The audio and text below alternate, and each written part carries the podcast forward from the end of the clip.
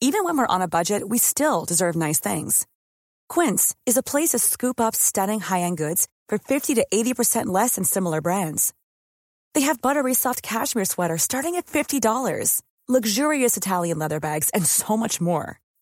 Plus, Quince only works with factories that use safe, ethical, and responsible manufacturing. Get the high-end goods you'll love without the high price tag with Quince. Go to quince.com slash style for free shipping and 365-day returns.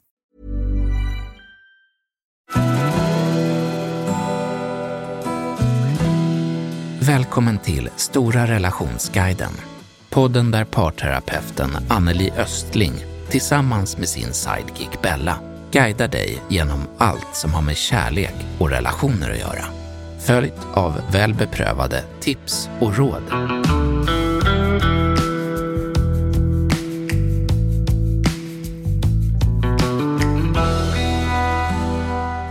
Hej! Idag ska vi svara på lyssnarfrågor. Det här tycker jag ska bli spännande och, och även intressant att få höra vad det är våra lyssnare går runt och funderar på. Anneli, jag tänker att du kör igång nu med en gång. Jag kör. Ja, men då kör vi igång nu med lyssnarfråga 1 som har ämnet Hur börjar man att be om ursäkt när man inte är van? Så här låter det. Ni hade ett avsnitt där ni pratade om gåvan och det fina med att be om ursäkt. Jag tycker att det här har varit svårt och jag har inte riktigt lyckats själv och har inte fått min partner att förstå vinsten med det, utan hon tycker att det verkar krystat. Kan ni ta några fler exempel på hur det här kan bli kittet som får kärleken att växa? Som ni förstår så tror jag på er idé, men vet inte riktigt hur jag ska använda mig av det i vardagen. Hälsningar från Jörgen från Jönköping. Ja, men så bra Jörgen att han hör av sig igen här. Det visar sig på att han verkligen vill få till en förändring och göra något gott för relationen. Jag kan förstå att det här kan låta enkelt när du pratar om det här, Anneli, men man kan ju faktiskt behöva fler exempel som man kan känna igen sig i för att applicera det på sitt eget liv. Om en i relationen till exempel har behövt lägga mycket tid på en svårt sjuk eller döende familjemedlem så kan det av naturliga skäl vara så att man har haft mindre fokus på och givit sin partner mindre uppmärksamhet och omtanke. Det här kan vara ett bra tillfälle för den som har haft fokus på någonting annat att bara säga till sin partner att jag är ledsen att jag inte har funnits här för dig så som jag skulle ha velat och brukar göra. Jag kan förstå om du har känt dig bortglömd emellanåt. Jag vill bara säga det här till dig för att du ska veta att jag ändå tänker på dig och fortfarande bryr mig om dig och hur du mår. Alltså det här kan ju även röra om man har haft extra mycket på jobbet i tre dagar eller mm. eh, vad som helst. Så en, en liten ursäkt som blir att jag tänker på dig. Mm. Jag bryr mig om dig. Och tänka sig in i den andra situationen lite ja, mer. Ja, precis. Partnern kanske svarar att det är okej okay och att partnern har förståelse för att det har varit så här på sistone. Och då kan jag svara att jag är tacksam över det och det känns bra att ha det stödet. Men jag vill ändå säga det här till dig då det är någonting jag går och tänker på. Och du är viktig och betydelsefull för mig. Bra. Man tänker... Ett sätt att landa en relation på. Mm. Visa sin närvaro, trots att det är yttre omständigheter som pockar på kanske, men att man bryr sig om den andra. Ja, för det är ofta så det ser ut i livet. Mm. Ja, så kan man ha det här som kittet som ändå gör att man håller ihop mm. på något sätt. Det låter väldigt bra. Mm. Det är ju faktiskt en, en sån liten handling som kan göra så himla mycket ibland. Det kanske inte är något som man ska behöva be om ursäkt för, utan just som du säger, något man kan ge ändå för att visa uppskattning och omtanke.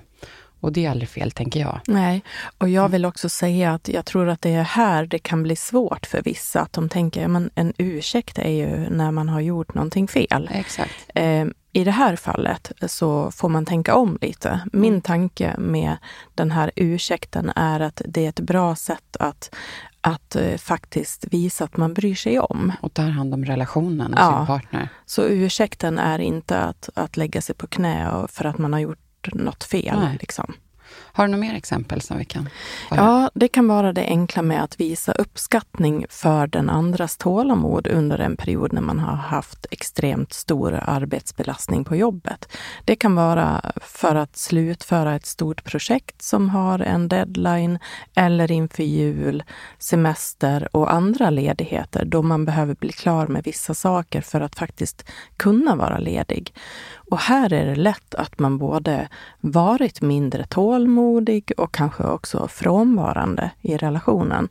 Eller inte haft lika mycket tid för att bonda med sin partner eller hjälpa till som man brukar med allt som behöver fungera i hemmet.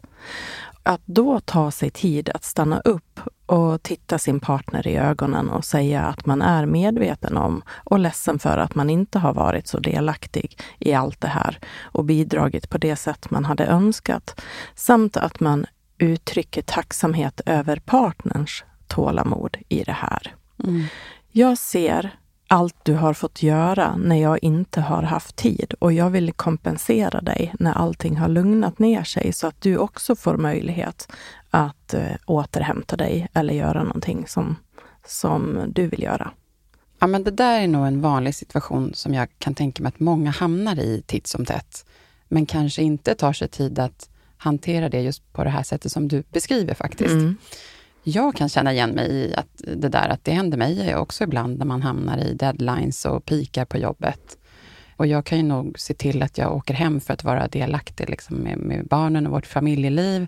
För att sen under vissa perioder så kanske jag behöver sitta och jobba då på kvällen när vi har våran tid, om man säger. Mm.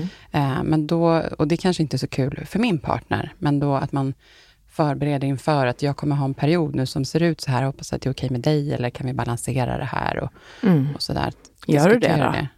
Ja, det gör jag. Ja, det är bra. Och det har jag blivit bättre på verkligen. Ja, ja vad bra. Eh, och verkligen vara i de här olika nuen. För det där är ju sånt som bara kan, om det händer gång på gång på gång och det aldrig blir någon skillnad, till slut så kan man stå där med en mm. partner som bara undrar, men vad är det här för liv? Mm. Men och fråga också.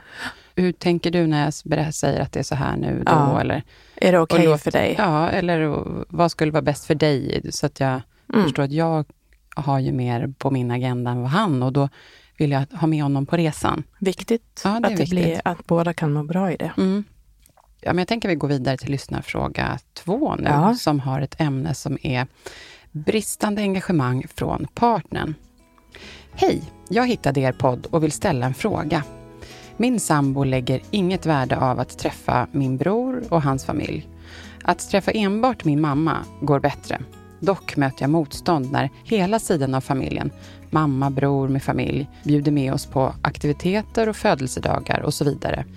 Jag vet inte varför och de är inte elaka eller otrevliga på något sätt. Men ofta säger hon nej och vill hellre lägga den tiden på sig själv och göra något som hon föredrar istället.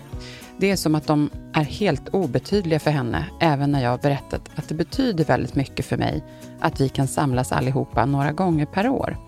Jag följer alltid med och umgås med hennes familj och jag undrar ofta varför hon inte vill ställa upp, även om det tar emot för att göra mig glad och för att det betyder oerhört mycket för mig.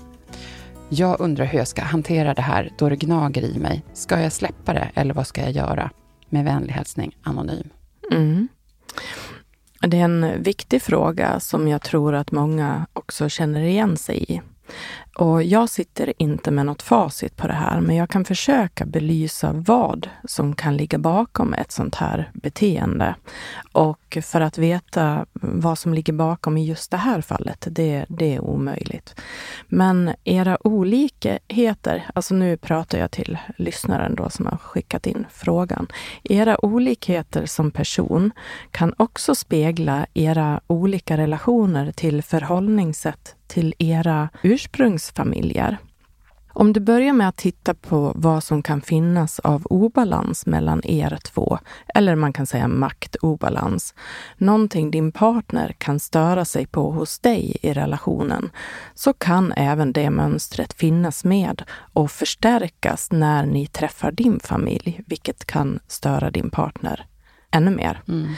Om hennes familj är mera raka i sitt sätt att kommunicera med varandra och din familj är mera varandra till lags, eller tvärtom. Det är sånt som kan väcka sådana här irritationer. Och en annan viktig sak är att försöka få svar på varför din partner hellre gör egna saker än att träffa din familj. Det är rimligt att du får veta det då du berättat hur mycket det här skulle betyda för dig, att hon följer med. Hon kanske saknar vi-känsla med dig när ni besöker dem. Att du inte får henne att känna sig viktig och delaktig. Eller så fungerar inte personkemin mellan din partner och någon i din brors familj. Det kan ibland vara svårt för en partner att våga säga för att man är rädd att såra och då kan det istället leda till att man väljer att dra sig undan eller inte följa med. Och svaret du får behöver du acceptera och försöka förstå utifrån vem din partner är. Och viktigt att inte ta det som en personlig kritik, även om det är lätt att göra det. Mm. Själv så tänker jag så här, men det är väl bara, ni måste bara prata ut om det här. Mm. Ut med allting på bordet. Men Mm. det är ju lättare att stå utanför och säga vad någon annan ska göra. Ja, och det är väl därför den här frågan kommer in, för att man har svårt att prata om det här. Mm. Det förblir liksom en gåta. Det blir svårt att Och- vara i. Skav, tänker jag. Ja. Att det aldrig slutar vara sådär. Ja. Och det skulle också kunna finnas någon form av avundsjuka från eh, den som skrivers partner om hon upplever att eh, du alltid är väldigt mån om din familj, kanske mera mån än vad din partner själv hade önskat få känna av omtanke ifrån dig. Det kan vara en sån sak som, Mm. som startar någonting Och sånt då har man svårt att prata om det, säga just de sakerna. Ja. Jag är avundsjuk. Och ibland kan man behöva vara tydlig, bestämd och vänlig i en sån här sak. Alltså våga sätta gränser och vara tydlig med hur man vill ha det och vad man ska kunna förvänta sig och vilka krav man vill kunna ställa på varandra i en relation. Men då behöver man också vara villig att förstå den andras anledning till att inte vilja eller kunna följa det i den här situationen för att det ska kunna lösas. Mm. Jag tänker här, de skulle behöva alla kort på bordet. Mm. Nu pratar vi ut om det här en Ja. gång för alla. Ja. Tack Anneli.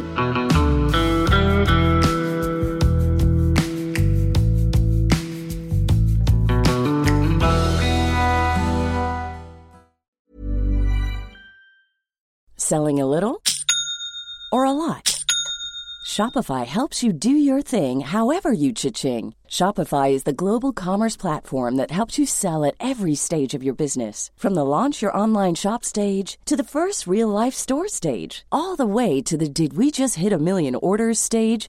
Shopify is there to help you grow. Shopify helps you turn browsers into buyers with the internet's best converting checkout. 36% better on average compared to other leading commerce platforms because businesses that grow grow with Shopify. Get a $1 per month trial period at shopify.com/work. shopify.com/work. Ever catch yourself eating the same flavorless dinner three days in a row? Dreaming of something better? Well, HelloFresh is your guilt-free dream come true, baby. It's me, Gigi Palmer. Let's wake up those taste buds with hot, juicy pecan-crusted chicken or garlic butter shrimp scampi. Mm. Hello Fresh. Stop dreaming of all the delicious possibilities and dig in at HelloFresh.com. Let's get this dinner party started.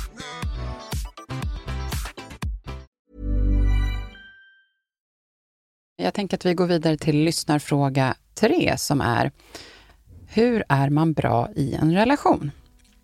Hej! Jag undrar hur man ska tänka om sin relation. Jag har nyligen förstått att jag behöver ta bättre hand om min relation. Tror min partner är ganska missnöjd med mig, eller i alla fall har börjat bli, och jag blir skiträdd. Saken är den att jag inte vet hur man gör. Har studerat kompispar för att kunna ta reda på hur jag ska göra. Det finns de som är nästan överdrivet gulliga mot varandra och det känns inte som jag. Så då skulle jag behöva ändra min personlighet eller? Sen finns det andra som är ganska hårda med attityd och som har taggarna ut mot varandra, känns det som. Tänkte att jag ska försöka hitta mitt eget sätt och inte titta för mycket på andra. Har ni några bra tips till mig? Ja, det här är nog någonting som många funderar på utan att aktivt göra någonting åt det. Och här är det viktigt att ha just fokuset och nyfikenheten på att bli sitt bästa jag i sin relation. Mest för sin egen skull, för att bygga upp en egen trygghet och självtillit, men också för att kunna fungera med den partner som man faktiskt har valt. Och inget par är det andra likt.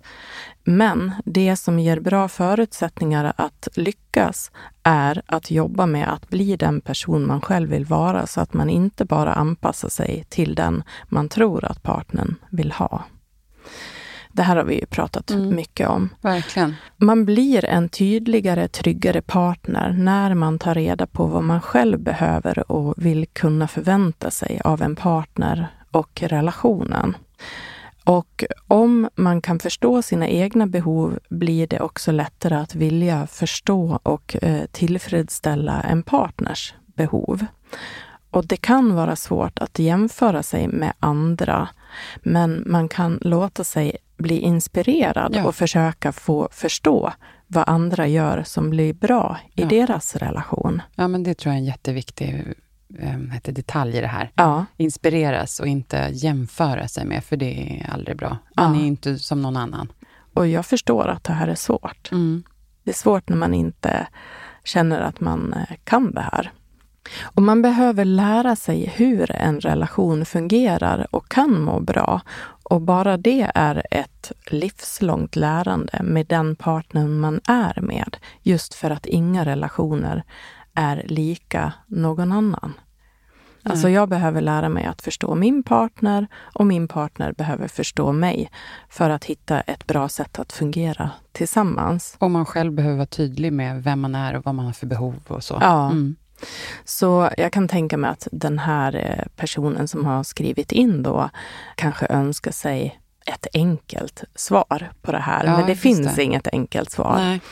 Att den här lyssnaren bara har bemödat sig med att ställa frågan här tyder på att den är redo för att lära och anstränga sig. Och det är just ansträngning som kommer att behövas.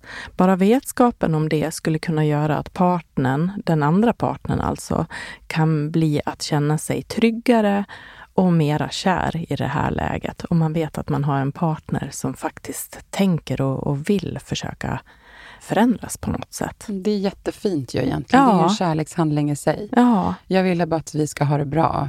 Och så får man prata ut om det här, hur, hur man ska matcha varandra. Ja. Ja, men vad fint. Och sen är det ju, vill man ju gärna se att det händer något i handling också då. Mm. Konkret så kan man börja med att reflektera över om man har egenskaper som kan bli att fungera dåligt med en partner i en relation. Till exempel om man vet att man brukar vara överkänslig för kritik eller konflikträdd eller rent av dömande eller negativ till partners förslag. Om man har hetsigt humör, om man går till attack och försvar och eh, är dålig på att lyssna, om man drar sig undan och blir sur eller förminskar sig själv och är till lags.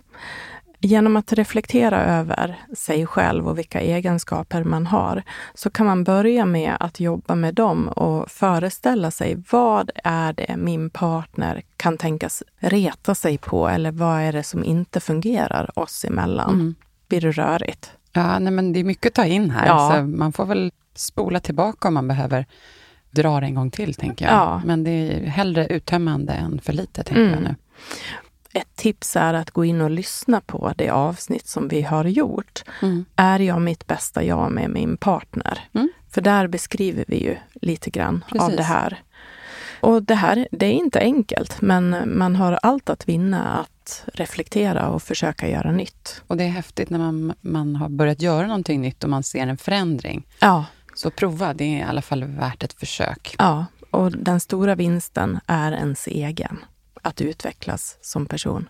Och relationen, tänker jag. Ja, men relationen ja. såklart. Det är ju ja. därför man gör det. Ja. Men den stora vinsten som också blir att påverka relationen är ju att man blir trygg i sig själv. Mm. Tack så mycket. Mm. Jag tänka att vi går vidare till nästa lyssnarfråga som är Hur hanterar man en relation i obalans?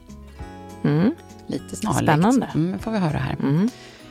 Jag har varit tillsammans med min sambo i tio år och vi har två barn på 11 månader respektive tre år. Vi har haft ett ganska stormigt förhållande med många infekterade bråk och tjafs. Och det har gått upp och ner ska tilläggas. Vi är ganska olika som personer. Jag är den som alltid velat prata och kommunicera angående våra problem. Medan hon stänger allt inne och kan gå vidare som ingenting har hänt. Hon kan häva ur sig rena elakheter som sårar mig djupt och knappt inga ursäkter efter det. Hon är oerhört lättirriterad på vardagliga saker som inte går som hon vill. Små obetydliga detaljer, i mitt tycke i alla fall, som kan göra henne direkt otrevlig. Allt ska ske på hennes sätt och hennes villkor. Jag upplever henne oerhört intolerant, inte bara mot mig, utan mot människor generellt. Så hård och kall, men innerst inne är hon så skör. Vi har haft och har än idag stora projekt och drömmar för vår familj. Men nu har min lust och ork tagit slut. Hon kör på som vanligt med drömmar och praktiska projekt medan jag står vid sidan och drömmer om en annan förändring på en djupare och relationsmässig nivå. Jag orkar snart inte mer. Jag vill må bra och den som kan hjälpa mig ur detta förmår inte att se hur jag mår eller hör mig.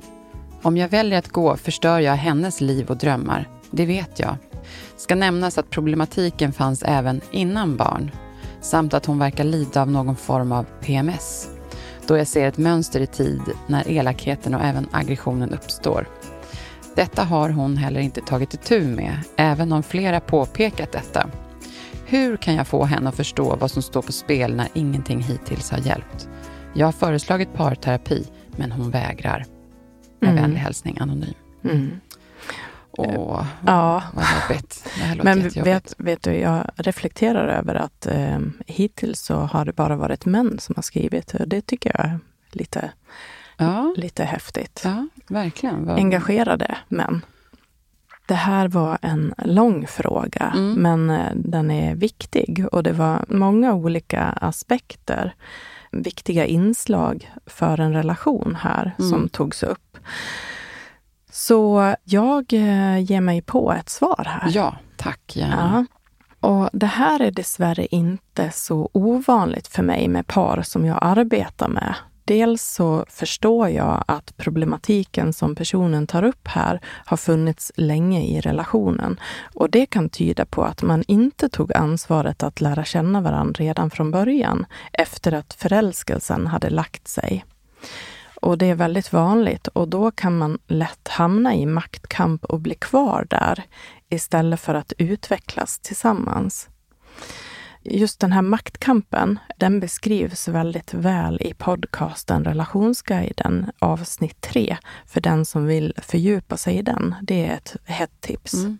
Och det är också lätt att kommunikationen kan kännas hård och icke generös då man länge har saknat den här tryggheten och förtroendet i relationen.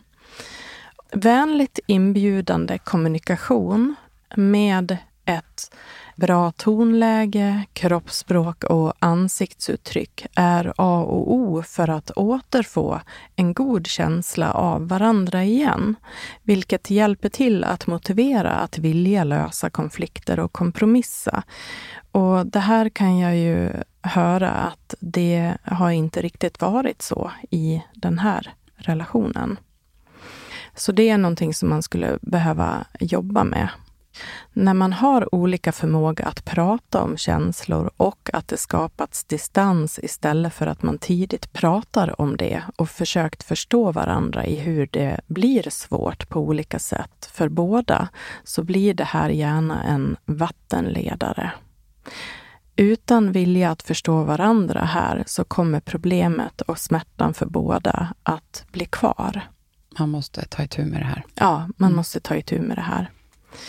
Många gånger kan drömmar och förväntningar som inte stämts av med varandra både vara det som håller relationen vid liv, men också det som blir ett pärlband av besvikelser. Det var precis det jag tänkte på, just förväntningar och besvikelser ja. som jag också tagit upp tidigare. Precis.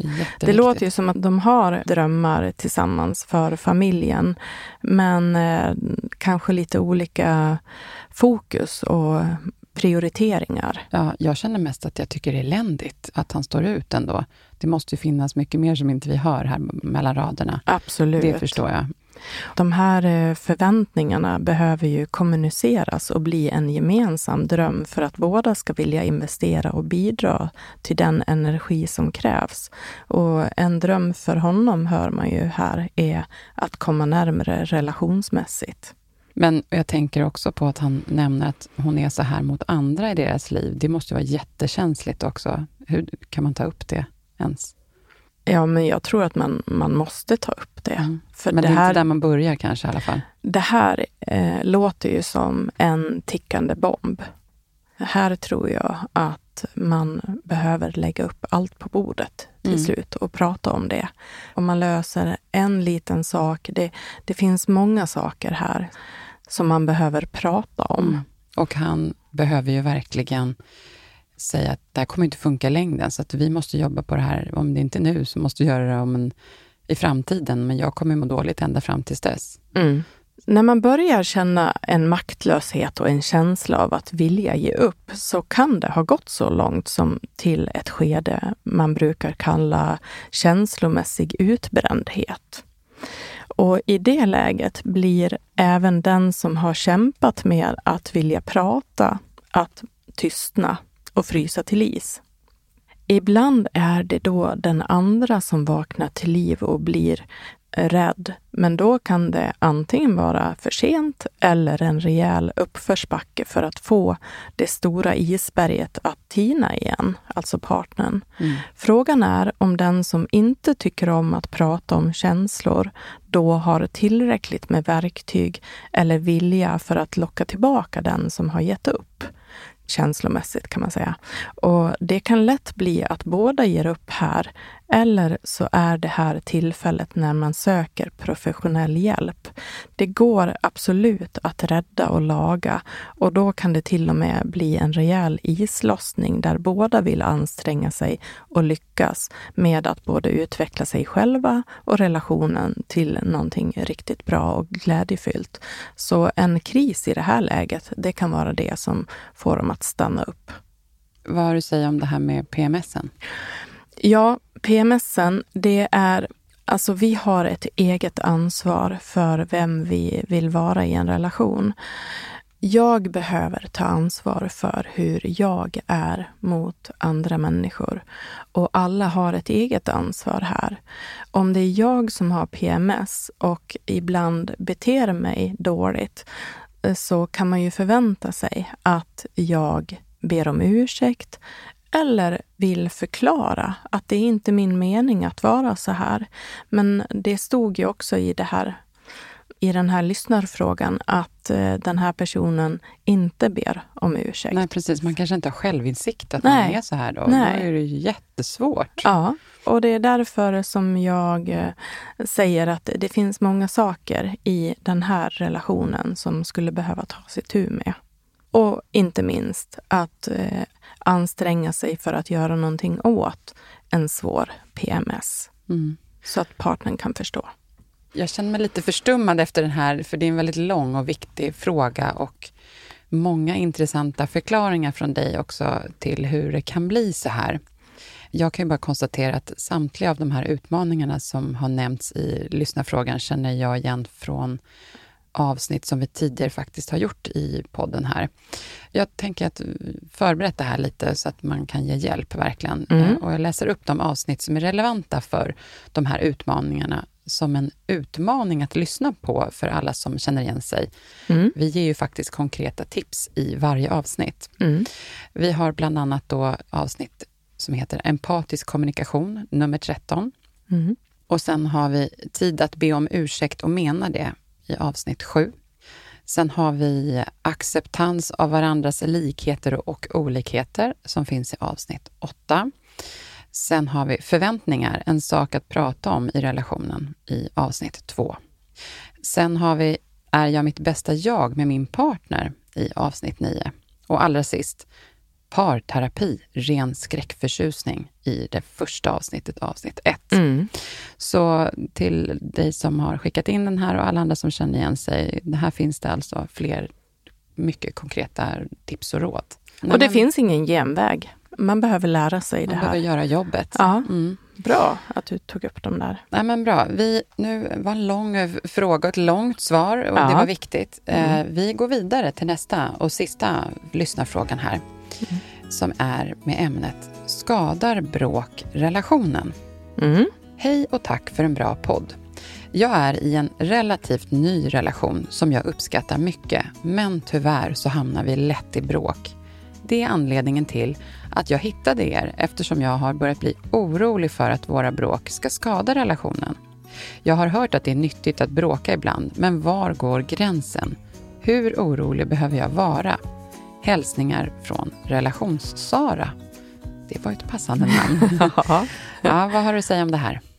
Ja, det här är en jättebra fråga också, tycker jag. Och det är ju inte så lätt att veta om man inte har så lång erfarenhet av relationer.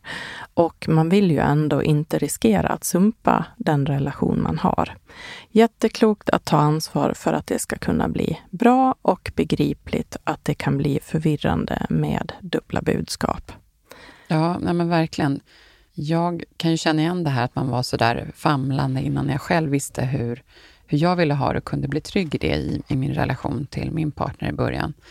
Och fram tills dess så levde man ju lite från dag till dag och bara hoppades att man skulle kanske klara sig från bråk. För man hade inte lärt känna varken sin partner eller relationen.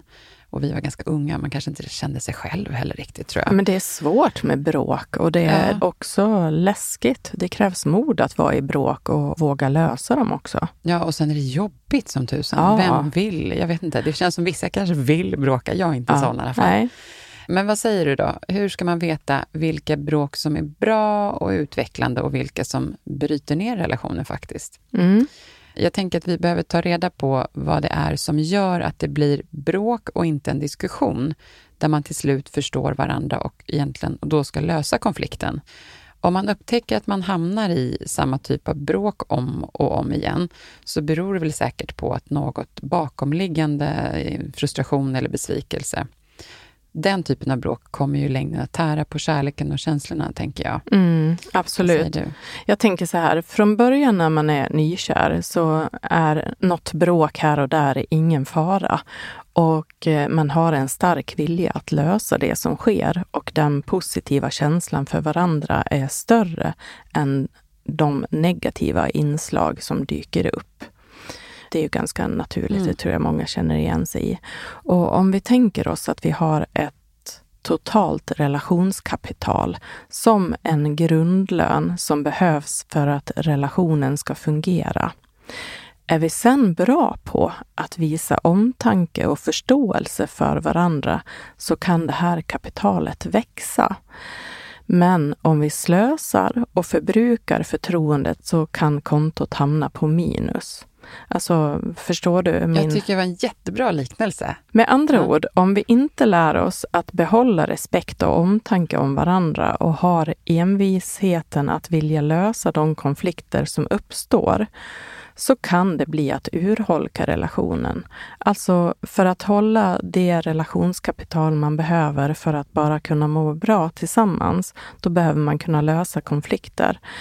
Om man inte gör det, då kan det sen bli dubbelt så jobbigt att behöva bygga upp förtroendekapitalet igen.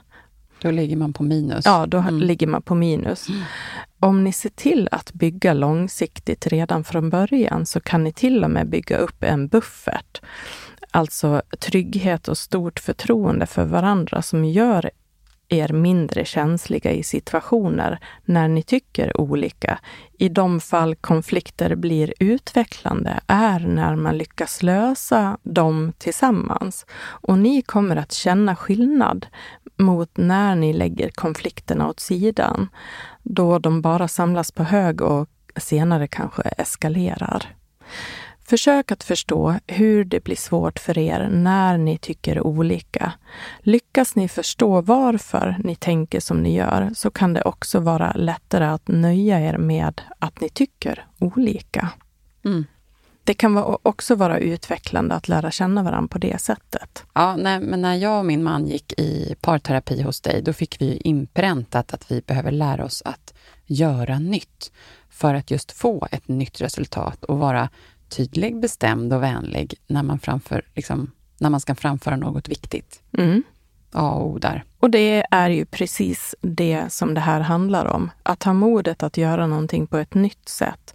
Och det kan vara att backa, att visa sårbarhet, att behålla ett lugn och att vara envis i att vilja lösa konflikterna så att man känner att vi har fortfarande en varm känsla och eh, vill försöka förstå varandra. Vi vill ju det här. Ja. Så hur gör vi det på ett ja. annat sätt för att det ska bli bättre? Ja. ja. Istället för att vilja vinna konflikten. Just det. Till vilket att pris som, som helst. Vem som ska vinna fighten. Ja. Mm. Ja, men det är bra. Man, det går ju fort när man har roligt och nu hinner vi inte med fler frågor idag, Anneli. Nej. Men eftersom vi fått in så pass många frågor så kan vi se till att komma tillbaka med ett avsnitt snart igen för att svara på dem. Jag har lärt mig mycket här idag, måste jag säga, och det blir tydligt när man får konkreta exempel eh, från lyssnarna, tycker jag. Mm. Kul. Så nu ska vi avsluta och först vill jag berätta om nästa veckas avsnitt. Då ska vi prata om när och hur vi kommunicerar bäst med varandra det är ju nu för tiden, vad man kan, kan vi inom här när vi sitter i studion, inom situationstecken, nya tider. Jag, vet, jag tror inte de unga håller med här, men det är med alla digitala plattformar som finns. Mm. Det finns så mycket olika sätt att kommunicera på. Det är forum, chattar, sms, inte vet jag, alla plattformar. Men då finns olika platser att kommunicera på och ha dialog. Och för vissa är det kanske mer naturligt än IRL. Så hur ska man balansera kommunikationen där gentemot att ses eller ringas och prata med varandra? Mer om det nästa vecka. Mm. Och allra sist, ni hittar oss på sociala medier och om du vill får du självklart gärna också stötta oss genom att skriva en recension på Podcaster. Tack till våra lyssnare och stort tack till Jens som är vår producent och klippare från Stray Dog Studios. Och Anneli, så värdefullt att få ta del av dina råd och all din kunskap. Vi ses nästa vecka igen. Det gör vi. Tack för idag. Tack för idag.